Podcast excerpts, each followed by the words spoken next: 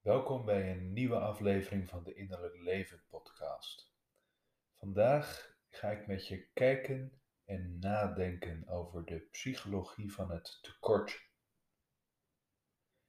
Mijn oma zei vroeger: alles waar te voor staat is niet goed, behalve tevreden.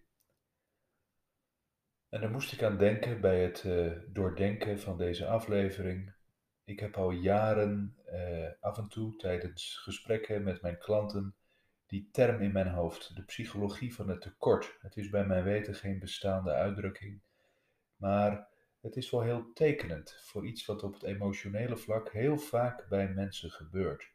Namelijk dat ze vooral gedefinieerd worden door datgene wat er niet is. En wat niet kan en wat niet mag of niet haalbaar kan zijn. En eigenlijk altijd wanneer mensen op het persoonlijke vlak tegen blokkades in zichzelf aanlopen, is er wel zo'n dynamiek van tekort te merken. En het deed me een beetje denken aan de zogenaamde duivelse dialogen die de bekende relatietherapeute Sue Johnson beschrijft. Misschien ken je dat boek. Ze heeft een serie boeken geschreven over eigenlijk het hechtingsaspect in relatietherapie. Ehm, het bekendste boek is Houd me vast. En heel veel Nederlandse relatietherapeuten werken inmiddels volgens deze methode.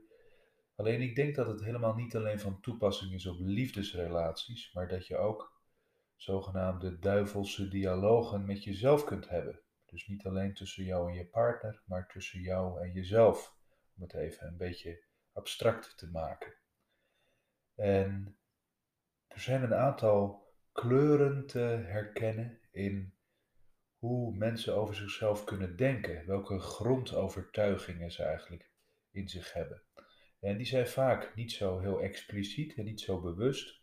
Moet je voorstellen dat je niet elke dag met hele desperate en negatieve overtuigingen hoeft te leven of kunt te leven. Misschien ook wel, maar ik hoop voor jou dat dat niet het geval is.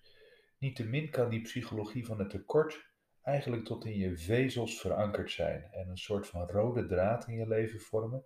Misschien dan niet zo zichtbaar, maar toch op een onzichtbare manier op de belangrijke kruispunten in je leven. De keuzes die je maakt, de relaties en de vriendschappen die je hebt. Maar ook de bandwijdte die je hebt om eigenlijk verder te denken, verder te kijken, doelen te stellen voor jezelf. Als je ondernemer bent, eigenlijk wat je denkt dat er mogelijk is voor je bedrijf ook daar is die psychologie van het tekort heel belangrijk. Er worden heel veel van je beslissingen gedefinieerd door zo'n rode draad. Nou, ik heb van Marissa Peer, de grondlegger van Rapid Transformational Therapy, eigenlijk een hele simpele sleutel overgenomen die drie van die overtuigingen eruit haalt. En ik noem dat zelf wel de drie duivelse dialogen, om even in die terminologie te blijven. En eigenlijk zijn ze allemaal ook gebaseerd op de psychologie van het tekort. En zoals je weet uit de marketing, alles waar een tekort is, de aanbieding is bijna verlopen of je bent de laatste die nog in de training kan. Tekort, dat doet wat met ons. We kunnen het negatieve weten we ook uit depressieonderzoeken bijvoorbeeld, kunnen we veel beter herinneren dan datgene wat er wel was. Nou, om heel veel redenen is de psychologie van het tekort dus belangrijk. En ik ga eerst die basiskleuren er eens uitpakken. Het zijn er eigenlijk drie. De allereerste is, en ik doe het even Engelstalig in de terminologie van Marissa Peer, I am not enough. Ik ben niet genoeg of ik ben niet goed genoeg. Uh, en er zijn heel veel kleurschakeringen bij te geven. Een andere hele belangrijke is: It is not available to me. Wat ik wil, wat ik nodig heb, waar ik behoefte aan heb, dat is er niet, dat kan ik niet krijgen. En de derde die zij noemt in haar werk is: I am different and I can't connect. Dus eigenlijk een overtuiging van anders zijn, en daaraan gekoppeld, ik kan me niet verbinden, ik kan geen verbondenheid ervaren. Nou, dit zijn basiskleuren of basistonen die je kunt tegenkomen. Als we kijken naar de psychologie van het tekort, hoe denken mensen over zichzelf? Misschien niet bewust, maar dan toch wel onbewust en naar boven komend op de belangrijke momenten in hun leven en in hun gedrag. Ik ga eerst met je kijken naar de allereerste. Ik ben niet genoeg of ik ben niet goed genoeg. En ik zou er meteen bij willen noemen, uh, het is niet alleen het tekort, je kunt ook bang zijn om te veel te zijn. Ik heb zelf in mijn leven heel lang eigenlijk onbewust, maar later gelukkig wat bewuster, anders zou ik er nu niet over kunnen praten, de angst gehad om te veel te zijn, too much te zijn. Daarom hield ik mezelf vaak in of zei ik niet echt wat ik dacht. Je kunt je voorstellen dat het voor een psycholoog ook wel een goed idee is om niet alles te zeggen. Maar ik merkte dan toch dat ik eigenlijk van mijn hart ook wel eens een moordkuil ging maken. Of dat ik dingen deed die eigenlijk niet helemaal waren waar mijn hart ligt. En als je dat doet, dan voed je eigenlijk ook die negatieve energie van ik ben niet genoeg en ik krijg ook niet genoeg, want er blijft een soort van leegte achter.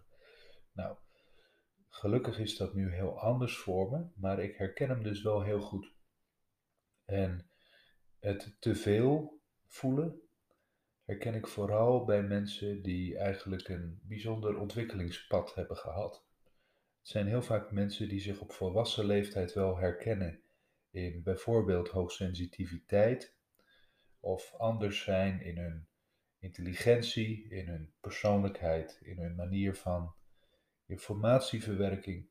Eigenlijk vaak al in de ervaringen met het schoolsysteem, met de arbeidsmarkt eh, hoe hun belangrijkste hechtingsfiguren, papa, mama, meester, juf, eh, op hun manier van doen en hun behoeften reageerden. En daar kan impliciet zo'n overtuiging ontstaan: ik ben te veel. Als ik mezelf ben, dan ben ik mensen tot last. Of dan word ik afgewezen. En die kan een killer zijn als je eigenlijk heel veel in je hebt en je wilt van alles realiseren. Het lijkt een tegenovergestelde, maar andersom is daar natuurlijk het I am not enough. Ik ben echt niet genoeg of ik ben niet goed genoeg. En het klinkt als een zinnetje of als een soort van overtuiging. En ook in de methode van Marissa Peer wordt het eigenlijk wel benaderd als zijnde een onderbewuste overtuiging of een gedachte die diep in jezelf zit gebakken. Ik denk dat dat ook klopt. Je kunt dat zien als een gedachte. Maar het komt vaak voort uit een heel groot verhaal. Er zijn vaak onzichtbare, maar o zo belangrijke factoren die ergens jou de overtuiging hebben gegeven dat je niet goed genoeg bent. Kan bijvoorbeeld zijn dat het stiekem een probleem is van je vader of je moeder, die nooit de opleiding heeft kunnen doen die ze eigenlijk wilde uit de tijd dat moeders allemaal nog de huishoudschool deden of eh, verpleegster moesten worden. Het kan zijn dat er eigenlijk een hele cultuur in je familie heeft gezeten eh, van geen geld om te studeren of een bedrijf moeten opvolgen omdat het nou eenmaal in de familie zit. En vervolgens eigenlijk een stukje onvrede ontwikkelen van ja, ik kan niet echt uit mezelf halen wat ik zou willen, maar ik hoop dan maar dat mijn kinderen het kunnen. En dat is een voorbeeld wat best wel vaak te horen is eigenlijk in de praktijk van therapie en coaching. Dat zo'n verwachtingenpatroon vervolgens eigenlijk wordt neergelegd bij de kinderen. Als jullie er maar alles uithalen. Nou, al dit soort processen kunnen te maken hebben met de onzichtbare, maar o zo voelbare overtuiging van ik ben niet goed genoeg. Of wanneer er een emotionele leegte eigenlijk ook leeft bij jezelf of in je familie. Eh, ik ben gewoon niet genoeg. Dat lijkt nog een beetje dieper te gaan dan ik ben niet goed genoeg.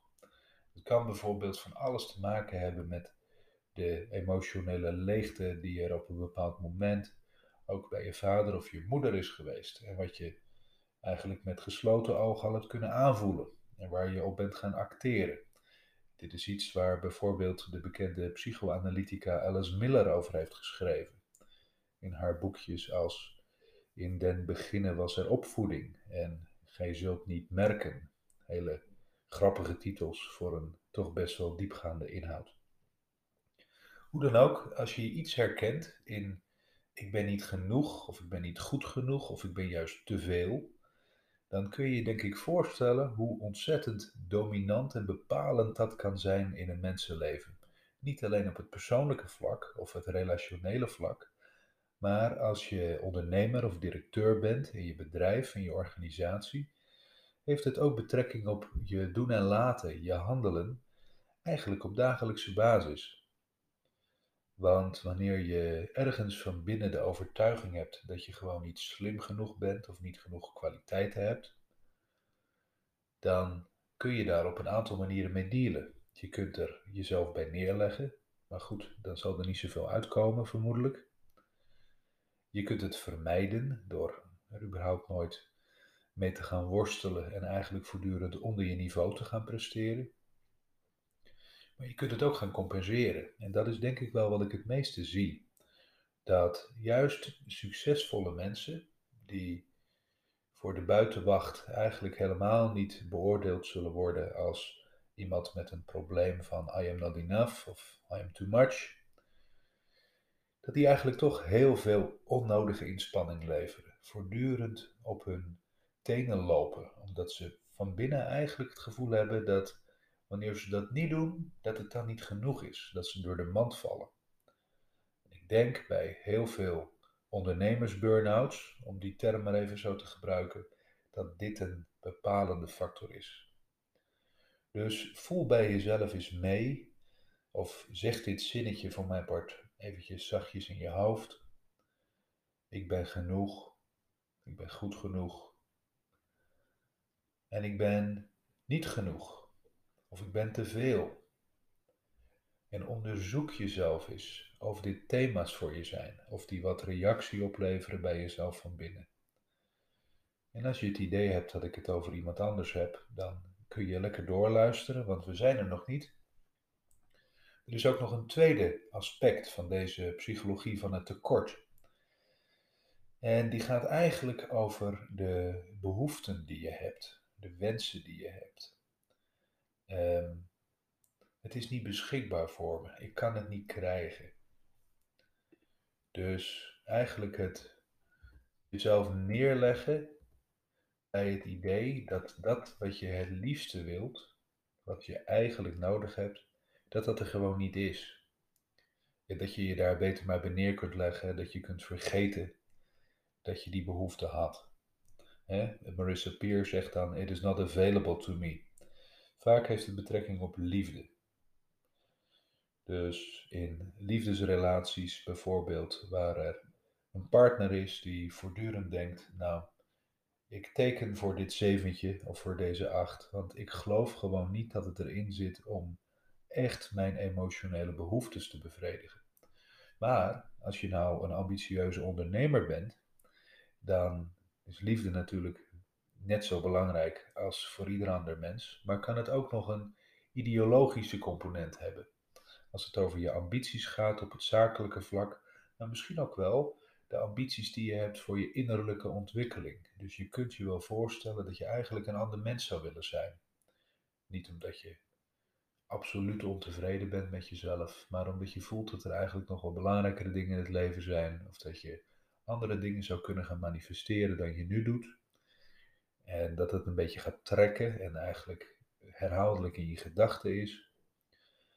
Um, ook dan is het heel bepalend hoe je eigenlijk gelooft over wat er mogelijk is. Geloof je dat je het allemaal wel kunt hebben als je er maar achteraan gaat? Of ben je eigenlijk gewend om te denken: het zal er wel niet zijn. Misschien wel voor andere mensen, maar niet voor mij. Nou, dit is een thema dit aspect van de psychologie van het tekort heeft vaak een worteltje in wat we in de psychologie noemen emotionele of affectieve tekorten. Wanneer je opgroeit in een omgeving die emotioneel gezien niet helemaal, of helemaal niet natuurlijk, aan je behoeften voldoet. Dus je hebt bijvoorbeeld veel warmte nodig, maar je krijgt een wat afstandelijke benadering. Of je hebt eigenlijk heel veel begeleiding nodig, omdat je ja, een hele rijke geest hebt en gespiegeld moet worden, omdat je het leven dan beter kunt begrijpen. je krijgt dat eigenlijk veel te weinig. Als dat bepalend is in je ontwikkeling, dan kan dat zomaar leiden tot zo'n basiskleur van ik kan het niet krijgen, het is er niet voor mij. Vaak kun je dit terugzien in ander gedrag, waarin je iets van buiten naar binnen probeert te halen. Eten en alcohol consumeren is bijvoorbeeld een heel duidelijk voorbeeld daarvan. Je pakt een glas of je pakt een zak chips en je stopt het eigenlijk letterlijk naar binnen of je giet het naar binnen. En dit zijn super normale menselijke gedragingen, maar eigenlijk pak je iets van buiten om het vervolgens inwendig te brengen bij jezelf. En dit is vaak een vertaling voor het zorgen voor je eigen behoeften. Dat glas wijn of dat glas bier, dat is wel beschikbaar. Dat eten is wel beschikbaar. Liefst een beetje zoet en een beetje vet. Dat geef ik aan mezelf en dat kalmeert eigenlijk mijn behoeften voor een kwartier of een half uur. Maar het kan zijn dat je dit herkent en dat het eigenlijk een vertaalslag is van de psychologie van het tekort die er in je zit. Dat je eigenlijk niet kunt krijgen wat je echt nodig hebt of wat je echt verlangt. En dat je dus eigenlijk allemaal korte termijn eh, ja, bevrediging zoekt. Waar je uiteindelijk weer leegte uit ervaart. Als je deze dingen herkent, dan zou ik eens goed nadenken over die tweede duivelse dialoog met jezelf. Het is niet beschikbaar voor me, ik kan het niet krijgen. Het is zakelijk gezien voor leiders, voor ondernemers, een mindset die beslist uh, remmend en beperkend is en mensen eigenlijk ook in een destructief patroon trekt. Want op het moment dat je ervan overtuigd bent dat je het juist wel allemaal binnen handbereik hebt, dat je eigenlijk alle hulpbronnen die je maar nodig zou kunnen hebben ook in jezelf wel hebt of in je omgeving hebt, dan kun je veel meer Ehm, groei bereiken, is er veel meer toename in wat er belangrijk is, wat je wilt vergroten, dan wanneer je in zo'n psychologie van het tekortpatroon zit. dat geldt niet alleen voor jezelf in wat je wilt en kunt realiseren, waar je achteraan durft te gaan, de stappen die je durft te zetten, maar het straalt als je een team hebt of je functioneert in een grotere organisatie, het straalt ook uit op je mensen. Want de mindset van het tekort is ontzettend energieverlagend en de overtuiging, hoe onrealistisch die misschien ook klinkt, you can have it all, is veel meer empowering en bekrachtigend. Eigenlijk is de sky the limit. En daarmee laat je ook een heel andere horizon zien aan de ontwikkeling van jezelf natuurlijk, maar ook voor je mensen, voor je personeel, voor je team. De derde waar ik bij stil wil staan met je is, ehm, ik noem hem maar even weer in het Engels, zoals Marissa Peer hem noemt, I am different and I can't connect. Dus een overtuiging die te maken heeft met anders zijn, die misschien ook wel terecht is. We kunnen allemaal anders zijn. Uh, sterker nog, we zijn allemaal anders. Maar in je ontwikkeling kan dit kennelijk ergens zo benadrukt worden. Misschien in het schoolsysteem of in een sociale omgeving waarin je bent groot geworden. Dat je eigenlijk gewoon op de bodem van je hart denkt: ik ben echt anders. En dat is dan één, hè? want er zijn ook heel veel mensen die zich identificeren met anders zijn. Maar het tweede aspect van deze duivelse dialoog met jezelf is: ik kan me niet verbinden. Ik kan eigenlijk omdat ik anders ben, geen relatie aangaan met iemand anders. En daarmee bedoelen we niet per se een liefdesrelatie, maar eigenlijk een basisgevoel bij hoe ben ik met andere mensen? Zitten ze op mij te wachten? Kan ik me wel verplaatsen in die ander? Vinden ze het fijn als ik er ben? Kunnen we elkaar een beetje aanvoelen? Kunnen we het leuk hebben samen zonder dat ik mezelf verlies of hij of zij zichzelf verliest? Al dat soort basis fricties hebben eigenlijk te maken met deze kleur van kernovertuiging over jezelf. Ehm, dit komt veel voor uh, in de, de, persoonlijke ontwikkeling van mensen die eigenlijk heel nadrukkelijk bezig zijn met wie ben ik. Dus wanneer je daar niet mee bezig bent, is het ook niet zo waarschijnlijk dat je nadrukkelijk in aanraking komt met ik ben anders. En nogmaals, het is de vraag of niet iedereen anders is. Ik denk het wel, maar als het te maken heeft met de spiegels waarin je eigenlijk kijkt. En je kijkt in de spiegel van je omgeving en je concludeert voortdurend ik ben eigenlijk anders dan de rest. Dan kan dat een enorme impact hebben. En die komt vaak terug in de volwassenheid op het moment dat mensen toch eigenlijk een, een innerlijke ontwikkeling doormaken, individualiseren. Wie ben ik nou? Wat is mijn unieke identiteit? Wat heb ik hier te doen op deze planeet? Wat moet ik doen met mijn leven? Uh, wat is mijn, mijn missie of mijn purpose? Al dat soort vragen die nopen ons eigenlijk om naar binnen te gaan. En dat bepaalt ons ook bij hoe ben ik gevormd? Wie ben ik? En in deze fase kan zo'n overtuiging heel veel kracht hebben. Dus ik ben anders, ik kan me niet verbinden. Nou, ik denk dat het niet zo moeilijk is om je voor te stellen hoeveel impact dat kan hebben, dat verbinden. Er zijn maar heel weinig mensen die solistisch kunnen leven. Misschien kunnen we het allemaal wel als het nodig is, maar wij zijn toch gemaakt om verbonden te zijn. Populair gezegd, we zijn groepsdieren. We hebben het nodig om uniek te zijn, onze individualiteit te kennen. Zo is onze samenleving ook gebouwd. Maar we hebben het ook heel hard nodig om verbonden te zijn met mensen van wie we weten, eh, wij, wij horen bij elkaar, wij voelen elkaar aan en we versterken elkaar. Nou, als dat beschadigd is, is het heel lastig om jezelf te ontwikkelen. Wat het betekent dat je eigenlijk niet goed te coachen bent, niet goed te spiegelen bent, eigenlijk niet genoeg een beroep op andere mensen kan doen, ook niet een fijne uitwisseling kan hebben waarin je elkaar helpt of elkaar versterkt. Eh, de een betekent iets voor de ander en vice versa. Eigenlijk het, het geweldige vergrotende effect van verbinding, dat is beschadigd of is bemoeilijkt. En connectie is in essentie, als je ondernemer bent, toch de basis van wat je doet. Want je gaat een connectie aan met een klant. En als je nou een heel erg onzichtbare klant hebt, bijvoorbeeld.